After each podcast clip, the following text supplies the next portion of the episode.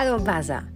Zazwyczaj to przygotowuję się kilka dni wcześniej do nagrania odcinka, ale z tym to jakoś tak na ostatni moment. Chyba ten śnieg, co był w Berlinie, już go nie ma, poprzewracał mi trochę w głowie i cały weekend spędziłam na spacerach, przeszłam Kreuzberg i Neukölln wzdłuż i wszerz. Nie miałam czasu, żeby usiąść do rozpisania odcinka wcześniej. Chociaż pomysł na temat siedział mi już w głowie od jakiegoś czasu i w sumie to wpisałam go sobie nawet w swój notesik, nim zaczęłam nagrywać te podcasty. Dziś chciałabym pogadać trochę o zakupach. O zakupach spożywczych i o sklepach spożywczych. Może się wydawać, że to jest taki przyziemny temat i że nie ma tutaj w sumie o czym rozmawiać, ale każdy, kto mnie zna, wie, że ja kocham robić zakupy spożywcze. I takie bez listy, kiedy mogę powoli poszwędać się po sklepach i po targach i poporównywać sobie składy produktów i porozmyślać, który z nich mnie zainspiruje do ugotowania czegoś super. No i takie zakupy z listą zakupów, kiedy zawsze i tak kupuję dwa razy więcej rzeczy niż zapisałam. Pewnie część z Was pomyśli, czym te zakupy w Berlinie różnią się od zakupów na przykład w Polsce. No to zobaczcie i przekonajcie się sami, czy jest podobnie, czy raczej inaczej. Podzieliłam sobie miejsca, w których robię lub w których ogólnie robi się zakupy spożywcze na kilka kategorii. Niektóre z nich po prostu wymienię, ale przy innych zatrzymam się na trochę dłużej, tak od ogółu do szczegółu. Na pierwszy rzut idą duże hipermarkety. W Niemczech Albo w sumie powinna mówić w Berlinie, bo skupię się tutaj na tym mieście. Mamy Reala, mamy Kauflanda i one nie różnią się niczym od polskich dużych hipermarketów. No może tylko tym, że jest w nich taka alejka z kuchniami świata, przy której można znaleźć polskie produkty. Druga kategoria sklepów to dyskonty. Niemcy są bardzo dobrzy w dyskonty. To u nich narodził się Lidl, Aldi i Netto. I pewnie kilka innych sklepów, ale te akurat mamy również w Polsce, więc chciałam je przytoczyć. W Berlinie są aż dwa rodzaje Netto, czerwone i czarne, i dwa rodzaje Aldi. Popularna jest też tutaj taka sieć handlowa Penny, której z tego co wiem w Polsce e, jeszcze nie mamy. Jest oczywiście więcej dyskontów w Berlinie, ale wymieniam po prostu te najpopularniejsze. Bardzo słynną siecią, e, której sklepów widać w Berlinie dużo, jest Rewe. Jest to typowo niemiecki sklep i można podzielić go na dwie kategorie. E, nazwałam to tak na potrzeby tego podcastu duże Rewe i małe Rewe. Małe Rewe to jest takie Rewe City z najbardziej potrzebnymi produktami, ale bardzo, do, bardzo dobrze wyposażone. Sklepy te są lepiej zaopatrzone niż e, dyskonty, które przed chwilą wymieniłam. W dużym rewe często można spotkać takie stanowiska mięsne z serami, z garmażerką, e, czasami piekarnie. Są też bary sałatkowe i to takie bardzo dobrze zaopatrzone. Przed pandemią, kiedy większość niemieckich biur funkcjonowała normalnie, to w Rewe, w okolicy mojego miejsca pracy, w czasie przerwy lunchowej zbierały się dzikie tłumy. Przerwa lunchowa to jest coś, co charakteryzuje bardzo wiele niemieckich firm około godziny 12.30, no tak między 12 a 13, pracownicy często mają obowiązkowe 45 minut przerwy. I ludzie jedzą wtedy normalny obiad, czy tak jak to się tutaj nazywa lunch. Jeśli nie w knajpce albo nie na stołówce, bo dużo firm ma też swoje stołówki, e, to bardzo często odgrzewają własny przygotowany wcześniej posiłek w kuchni pracowniczej, a sporo osób idzie w tym czasie właśnie do sklepu. Stąd większość dostępność dań lunchowych, takich do odgrzania, do przygotowania na szybko w mikrofalówkach lub właśnie takie bary sałatkowe w supermarkecie, takim jak Rewe. Można sobie tam stworzyć naprawdę e, super sałatkę z wieloma fajnymi składnikami. E, mają humusy, falafel, wegańskie opcje, oliwy z oliwek i te wszystkie warzywa są osobno w takich korzystnych cenach. Bardzo fajny sposób i w sumie trochę te sałatki mi się przejadły w zeszłym roku, ale teraz, kiedy pracuję już od prawie roku zdalnie, no to nawet bym sobie na taką przerwę lunchową chętnie poszła. Kolejną siecią, e, którą chciałabym tutaj wymienić, jest Edeka. To są takie jakby trochę delikatesy. Są różne rodzaje tego sklepu, to wszystko zależy od miasta, też od dzielnicy, no i od tego, czy jest to wcześniej wybudowany sklep, czy na przykład nowszy supermarket, oraz od tego, czy jest franczyza, bo to jest bardzo popularne y, zjawisko, że te sklepy Edeka podlegają tutaj pod franczyzę. Moja ulubiona Edeka, bo to jest w ogóle mój ulubiony sklep, znajduje się w okolicy, w której mieszkam i nazywa się tak bardzo bogato, bo Edeka Sapphire, czyli Edeka Szafirowa. Jest to nieduży sklep, myślę, że jest mniejszy od klasycznego Lidla, ale jest w nim wszystko, czego potrzebuje i dużo więcej. Mają świetny wybór owoców, warzyw, serów, kasz, produktów bio, produktów wegańskich i też alkoholi. To, co jest dla mnie ważne i na co zwracam uwagę, to to, że mogę tam kupić lokalne owoce i warzywa z upraw w regionie, czyli w Brandenburgii. A bardzo często, kiedy idę do takich marketów jak Aldi czy Penny, jabłka, których w Niemczech jest naprawdę sporo, bądź mogłyby chociażby być tutaj e, importowane z Polski. E, zamiast tego mogę kupić na przykład jabłka z Nowej Zelandii albo z Włoch. No i to mi się nie do końca podoba. E, w EDC Sapphire tak nie ma i jest to bardzo fajne. Dodatkowo bardzo dużo owoców i warzyw jest sprzedawanych luzem. Można więc wziąć swoje woreczki. Zamiast plastikowych siateczek są też papierowe torebki. Jest to bardzo fajne rozwiązanie. Jeżeli chodzi o taki asortyment w sklepach, zarówno w tych sieciach handlowych, dyskontach czy w delikatesach, jest on dosyć podobny do asortymentów w Polsce. To są sieci handlowe, zagraniczne produkty są po prostu takie same. Mamy podobny wybór warzyw, owoców, pieczywa i słodyczy. Jest jednak kilka rzeczy, które zwróciły moją uwagę i które myślę, że są trochę inne niż w Polsce, i to o nich chciałabym opowiedzieć. Przede wszystkim w Niemczech jest dużo, dużo większy wybór wegańskich produktów. Wariacje na temat tofu, sejtana, tych wegańskich mięs, mielonych czy nie. Jest ich bardzo dużo, są w niższych cenach, są łatwo dostępne i to mi się bardzo podoba. W wielu sklepach są specjalne takie alejki z produktami dla wegan, chociaż teraz coraz częściej korzystają z nich też ludzie, którzy wcale nie określają się jako weganie, ale po prostu chcą urozmaicić swoją dietę i ja właśnie do takich osób należę. Kolejnym punktem, który bardzo mi się podoba i bardzo podoba się wielu osobom, które się tutaj przeprowadzają, to szeroki asortyment win. Oj, to jaki szeroki. Natknęłam się na informację, kiedy przygotowywałam się do tego odcinka. Co prawda jest ona sprzed dwóch lat, ale jest to regularnie powtarzający się wynik że Niemcy są y, jednym z największych, a dwa lata temu największym importerem wina na świecie. No i myślę, że to mówi samo za siebie. Dodatkowo to w tym kraju powstaje przecież Riesling, Grauburgunder czy Weissburgunder i kilka innych odmian wina. W markecie można wybrać y, więc również takie lepsze wina i są one tańsze niż w Polsce. I ja zwróciłam na to uwagę, kiedy się przeprowadziłam, a teraz przyprowadziła się do Berlina moja przyjaciółka i przyjechała tutaj z Irlandii i to też y, bardzo zwróciło jej uwagę i bardzo ją ucieszyło. Podobnie wygląda sytuacja z piwami. Jest ich więcej i są one tańsze. Niemcy często kupują też piwo w skrzynkach, czyli tak zwanych u nas kratach, na tyle często, że symbol tych pięciu skrzynek piwa został wykorzystany do oznaczania półtora, metrowego dystansu na stacjach metra.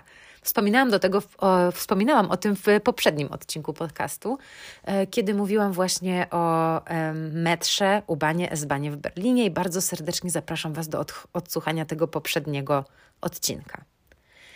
Pozostając w temacie alkoholi, tutaj coś, w czym Polska zdecydowanie wygrywa, czyli wódka. Tak jak innych mocniejszych trunków w normalnych sklepach spożywczych, nie mówię tutaj o monopolowych, jest e, w Berlinie sporo, szczególnie tych z wyższej półki. Tak, dostępność wódki w niższych albo takich powiedzmy normalnych cenach jest raczej skromna. Jest też tutaj, e, brakuje też tutaj flagowych marek, które występują w Polsce. Następnym punktem, który zwrócił moją uwagę i tutaj zdecydowanie pozytywnie, to nabiał.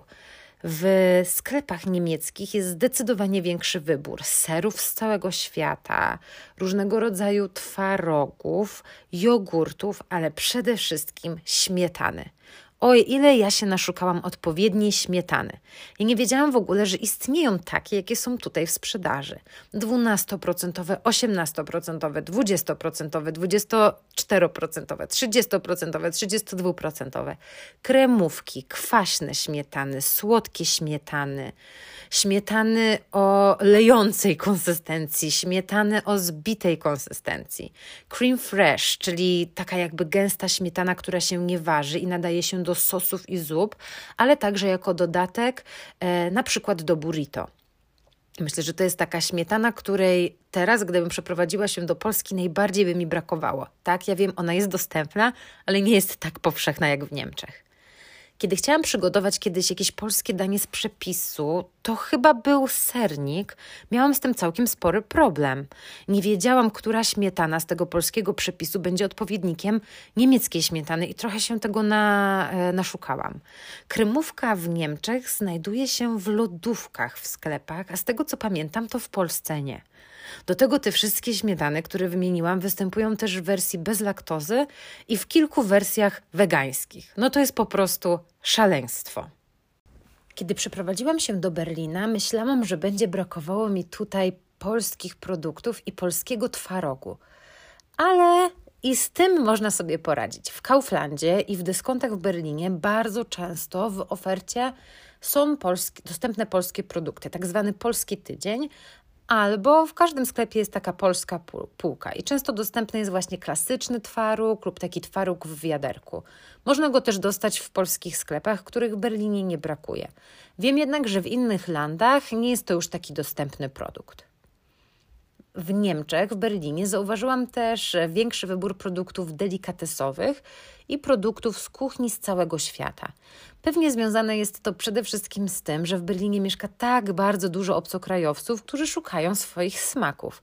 No ale przyznam, że bardzo mi się to podoba, bo można rozwinąć swoje kubki smakowe i poznać nowe, zupełnie inne przyprawy, produkty i składniki. E, w sklepach jest też mniejszy wybór herbat czarnych i smakowych herbat takich popularnych marek. Niemcy są bardziej za herbatami ziołowymi e, z kopru włoskiego, z pokrzywy. Tak, pokrzywa jest tutaj bardzo popularna. Albo e, za herbatami bio.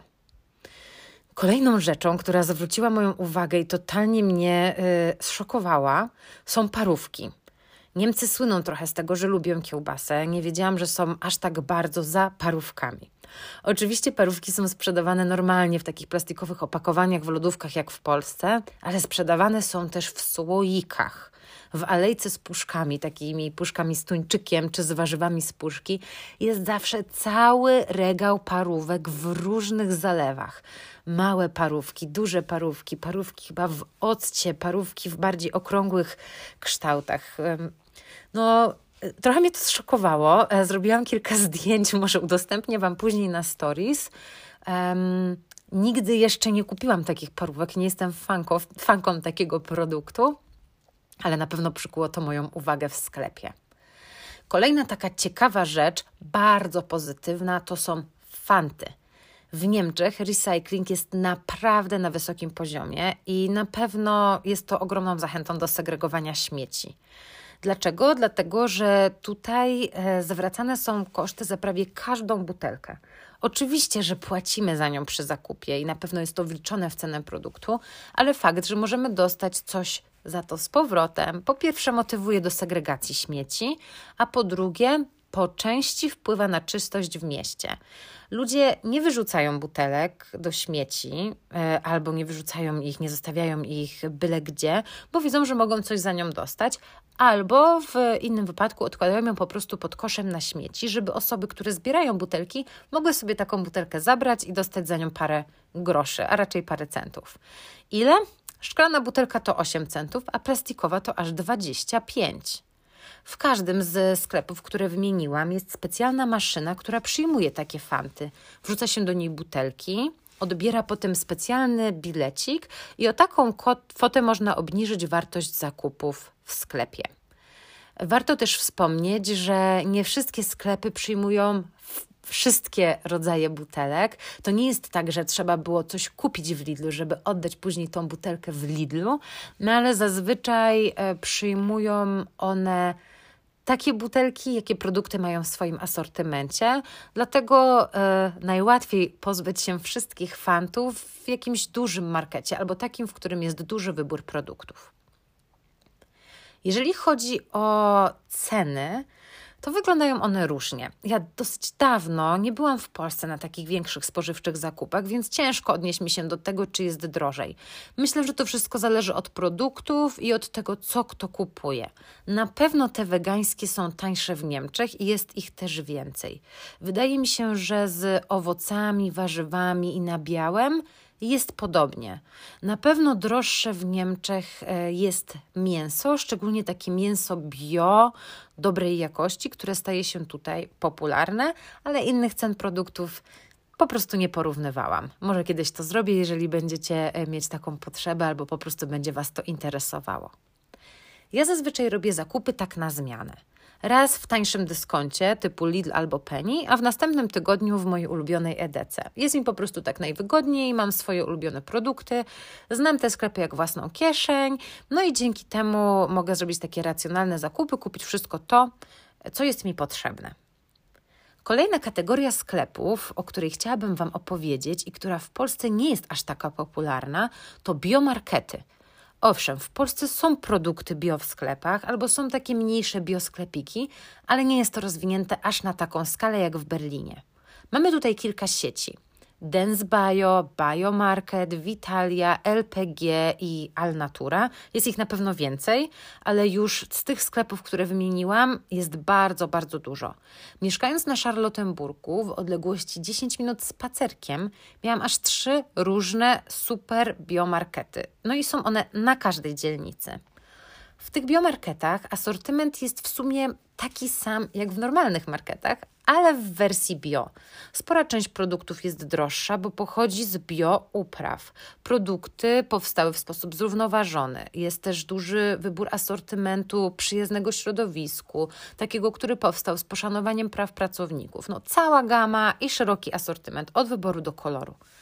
Często te sklepy połączone są ze stanowiskiem mięsnym i z takim stanowiskiem z serami, a prawie zawsze z piekarnią.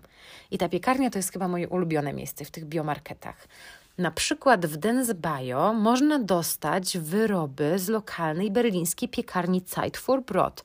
Jest to jedna z moich ulubionych piekarni. Ma pyszne chleby, pyszne drożdżówki, pyszne słodkie bułeczki. Naprawdę warto to sprawdzić.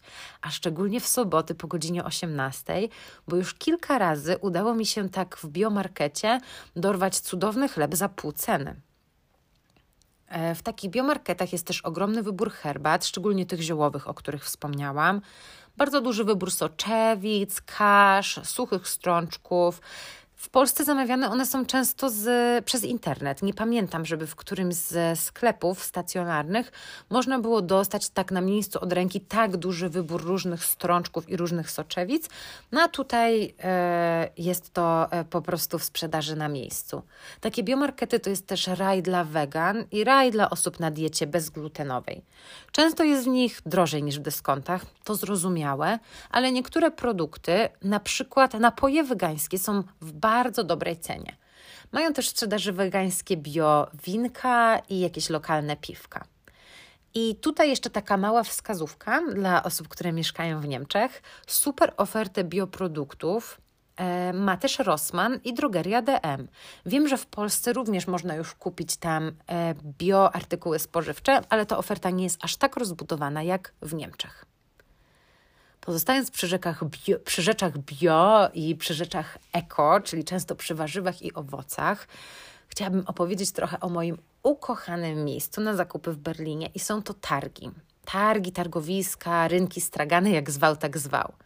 Pamiętam, jak byłam mała, mieszkałam wtedy w Polsce i w wakacji zostawałam z siostrą w domu.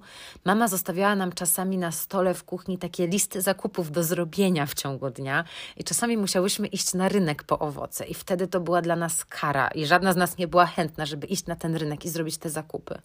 I mamo, teraz, gdybyś mieszkała w Berlinie i byś zostawiała mi takie kartki, to byś mi sprawiła największą przyjemność i zawsze bym z chęcią biegła na rynek. Planuję zrobić osobny materiał o targowiskach w Berlinie, więc teraz tylko króciutko. Poza warzywami i owocami, chlebem, ciastami i przetworami, można się tutaj najeść, można się napić, można posłuchać muzyki, kupić wielki bukiet kwiatów, strzelić sobie kawkę, a potem zjeść szwajcarskie raclette albo jakieś tureckie przesmaki. Na rynek chodzę zazwyczaj w soboty i odbywają się one prawie na każdej dzielnicy Berlina, zazwyczaj dwa razy w tygodniu.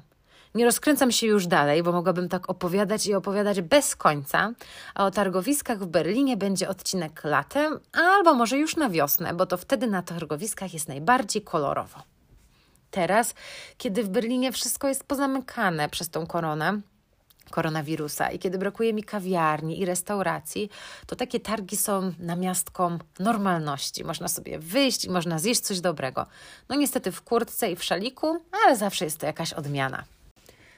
W Berlinie mieszka, a w sumie powinnam powiedzieć, że jest zameldowanych, bo mieszka z pewnością więcej, ponad pół miliona obcokrajowców. Jest to bardzo widoczne w tym mieście na co dzień.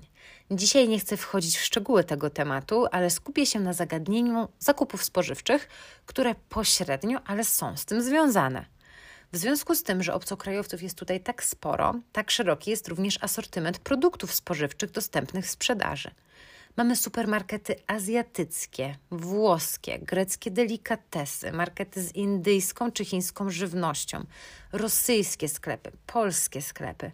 No nie sposób opowiedzieć szczegółowo o wszystkich takich miejscach, więc skupię się na tym, które najbardziej rzuca się w oczy, kiedy spaceruje się po mieście, w szczególności po dzielnicach takich jak Wedding, Kreuzberg czy Neukölln. W Berlinie jest zameldowanych ponad 100 tysięcy Turków. Nie dziwne więc, że takich marketów i innych miejsc związanych z kulturą turecką jest po prostu ogrom. Tureckie markety często określane są y, albo występują w nazwie z przydomkiem halal. Halal określa sposób odżywiania się muzułmanów, mm, podobny trochę do żydowskiej koszerności, Koran kategorycznie zakazuje im spożywania krwi, mięsa wieprzowego, padliny oraz wymaga, aby zwierzęta ubijane były w sposób rytualny. Całkowicie zakazane jest spożywanie alkoholu. Bardzo dużo tureckich supermarketów obiecuje właśnie, że produkty, które dostępne są w sprzedaży, to produkty halal. Tureckie supermarkety mają tutaj nawet swoje sieci. Najbardziej w Berlinie rzuca się w oczy sieć Bolu. Przygotowując się do tego odcinka, odkryłam nawet jej dość ciekawy profil na Instagramie. A to dlatego, że jak ostatni raz tydzień temu byłam w Bolu, to zobaczyłam przy kasie powieszone takie wydrukowane plakaty na karteczkach A4 z dosyć słabą jakością zdjęć yy, i z logo Instagrama nadrukowanym yy, i z informacją, że Bolu już jest na Instagramie i zapraszamy do odwiedzin i śledzenia profilu. Po czym rozpoznać turecki supermarket? No moi drodzy, to już widać na wejściu, a raczej przed wejściem. Ustawione są tam stoły, takie jak na straganie, z warzywami i z owocami, często w promocyjnych cenach, zawsze kolorowo. Asortyment tych sklepów jest taki ciekawy. Od czasu do czasu robię tam zakupy. Tydzień temu wybrałam się, żeby przypomnieć sobie co i jak i żeby wyłapać dla Was jak najwięcej smaczków. A więc posłuchajcie. Warzywa i owoce są zawsze, prawie zawsze na zewnątrz sklepu, tak jak już wspominałam, ale też wewnątrz. Zawsze mają tam dużo zieleniny. Wielkie, ogromne pęczki pietruchy, mięty, rukoli, liści szpinaku i chyba szczawiu, jakichś jeszcze innych zielenin. I one nie są sprzedawane w plastikowych opakowaniach, tak jak my to klasycznie znamy z Lidla, tylko zwijane są e, w takie pęczki gumką recepturką. Dostępne są w sprzedaży też różne rodzaje cukinii, takie jasnozielone i ciemnozielone, różne rodzaje bakłażanów, bardzo dużo różnego rodzaju kapusty. Mm, jeżeli chodzi o owoce, to raczej jest tak podobnie jak w innych supermarketach. Moja ulubiona alejka e, w tych sklepach to jest alejka z lodówką. Sery, sery i jeszcze raz sery. Wariacje na temat sera z mleka koziego i z mleka owczego i z mieszanek tych mlek halloumi i mój ukochany ser feta. Wszystko wielu firm w różnych opakowaniach, sprowadzanych z różnych krajów, z Turcji, Grecji, Tunezji i z Cypru. Nigdy wcześniej nie spotkałam się z serem sprzedawanym w puszkach i to w takich sporych puszkach 800 e, gram albo nawet kilogram. I w tych marketach to jest po prostu klasyk. Pokażę Wam to na stories, bo ciężko jest mi to opowiedzieć. Yy, rodzajów tych puszek w sklepie jest tyle, ile żółtego sera w polskim Lidlu, więc to nie jest jakaś taka yy, jedna wyjątkowa rzecz. W lodówkach są też oliwki w puszkach, litrowych słojach, opakowaniach plastikowych, oliwki z nadzieniem, z pestką, z czosnkiem czy bez, w bardzo dobrej cenie i bardzo, bardzo dobrych moje takie absolutne odkrycie, ale nie kupiłam tego produktu, bo w dwuosobowym gospodarstwie domowym to nie jest mi potrzebne i dosyć trudne w przechowywaniu, to 5-kilogramowe worki z czerwoną soczewicą albo 10-kilogramowe worki ryżu. To jest po prostu klasyk. Dużo rodzin pochodzenia tureckiego czy z krajów arabskich to są często rodziny wielodzietne, które żyją też wielopokoleniowo i zapewne gotowane przez nich posiłki są po prostu dla większej grupy osób, stąd te opakowania. No, wygląda to po prostu szałowo. To nie jest market typu Selgros czy Makro, to jest normalny sklep, a taki wołr soczewicy to ja ledwo podniosłam. Bolu czy inne tureckie supermarkety to super miejsce, żeby dostać sezam albo po prostu pastę tahini i to w dobrej cenie. Jak już mówiłam o tych dużych workach z soczewicą, no to warto tutaj e, wspomnieć też o tym, że sprzedają tam bardzo dużo różnego rodzaju strączków suchych, ale też strączków w puszkach. I mm, sprzedawane tam strączki i ziarna, to jest ogromny wybór. Ja niektórych z nich nie byłam w stanie nawet rozpoznać. Są one sprzedawane w tych 10-kilogramowych opakowaniach, ale również w mniejszych i to w super cenach. Od kiedy mieszkam w Niemczech i zasmakowałam się bardziej w libańskiej i tureckiej kuchni, to zawsze mam w domu przynajmniej dwa rodzaje soczewicy i bardzo cieszę się, że one są tak łatwo dostępne. W tureckich supermarketach y, można kupić też różne ciekawe dziwne słodycze i napoje z opakowaniami po turecku. Zazwyczaj jest też dział mięsny z mięsem halal oraz dział garmażerka z różnymi pysznymi pastami na kanapki, dipy, oliwki i faszerowane warzywa. Ja dosyć rzadko kupuję mięso tak na co dzień i nigdy nie kupiłam jeszcze mięsa w takim tureckim sklepie, ale spotkałam się z opiniami, że jest ono naprawdę bardzo, bardzo dobrej jakości. Kiedy wybieram się na zakupy do takiego sklepu, nigdy nie wychodzę bez tak zwanego fladenbrot, czyli takich cienkich placków chleba, coś ala mieszanka tortilli i takiej bułki do kebaba e, oraz bez cienkiego ciasta typu filo, z którego e, można zrobić sobie takie zawijane, faszerowane rolki z fetą i z pietruszką. Jest to bardzo e, łatwo dostępny przysmak na wszystkich targach e, w Niemczech, ale również w takich małych gastronomiach libańskich, arabskich czy tureckich. Ciekawe w tych marketach tureckich jest też dział małego AGD, który zawsze tam występuje. Można tam znaleźć wszystko mini walizki, zeszyty, torebki, akcesoria do sprzątania, ale też różne szklaneczki w najróżniejszych rozmiarach, czy czajniczki i akcesoria do czarnej herbaty. Bardzo ciekawy sklep. E, jak będziecie kiedyś w Berlinie, y, jak tutaj nie mieszkacie na co dzień, to koniecznie, koniecznie wejdźcie i zobaczcie, bo to jest taki trochę inny świat w Berlinie. Ja bardzo to lubię i bardzo doceniam dostępność y, i to, że mam tak blisko do takiego sklepu. Nie robię tam zakupów regularnie, ale mm, bardzo często wpadam po niektóre ulubione produkty. Kolejna kategoria, która mnie totalnie zdziwiła, kiedy się przeprowadziłam do Niemiec, albo kiedy wcześniej do Niemiec przyjeżdżałam, to takie Getränkemarkt, tak to się chyba po niemiecku nazywa. Są to sklepy, większe, takie, do których wchodzimy z dużym ko koszykiem, w których teoretycznie kupuje się tylko napoje. Wody mineralne, soki, napoje gazowane, piwa, wina i alkohole. No jest to dosyć dziwny koncept, ale w Niemczech się przyjął. Często są one ulokowane obok dyskontów albo obok centrów handlowych. Ja nie robię tutaj nigdy zakupów, ale sam koncept jest ciekawy. Na koniec kilka słów o najmniejszych, ale na pewno nie najmniej znaczących sklepikach w Berlinie, czyli o Späti, od słowa spät, czyli późno, inaczej zwanych kioskami. To są czynne do bardzo późnych godzin małe sklepiki. W Berlinie normalne sklepy są nieczynne w niedzielę, a w tygodniu zamykane są różnie, około 20, 21, 23. I tak lepiej niż w Bawarii, gdzie po 20 ciężko dostać cokolwiek. Szpejti otwarte są do późna, często do północy i również w niedzielę. Teoretycznie niedziela jest dniem wolnym od handlu, jednak właściciele tych sklepików, bardzo często osoby pochodzenia tureckiego, obchodzą ten przepis, sprzedając magnesy z Berlina jako pamiątki dla turystów i wtedy mogą działać też w niedzielę. A więc wracając do Szpejti, to takie osiedlowe sklepiki. Jest ich w Berlinie mnóstwo, chociaż to też zależy od dzielnicy. Warto dodać, że w nie wszystkich landach w Niemczech e, wszechobecność takich szpejti to norma. No ale Berlin to chyba trochę z nich słynie. Najwięcej szpejti wydaje mi się, że jest na Weddingu, Neukölln, Kreuzbergu czy na Friedrichshain.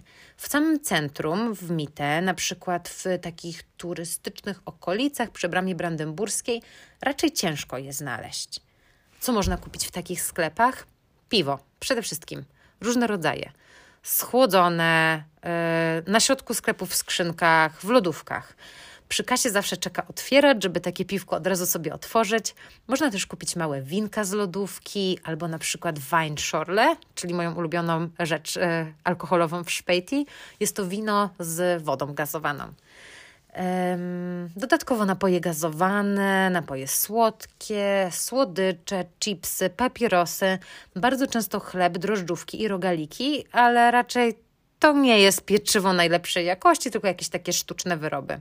Kanapki, czasami jakieś sałatki na lunch, kawkę, herbatkę, mm, też raczej nie najwyższej jakości podstawowe środki higieniczne, czasami jakieś rzeczy do ugotowania prostego obiadu typu makaron i puszka e, pomidorów w self-prastrach, ale to już nie zawsze. Często takie sklepiki są też punktami odbioru i zwrotu paczek kurierskich, np. DHL. Przed pandemią niektóre szpejti to były wręcz takie miejsca kultowe. Normalne w Berlinie jest to, że przed sklepem są ławki, są stoliki i ludzie, młodzi i starzy, i turyści, i osoby, które mieszkają w okolicy albo w, budynkiem na, w budynku nad sklepem, po prostu siedzą przed sklepem, piją piwko, gadają, czasami grają w jakieś takie proste planszówki.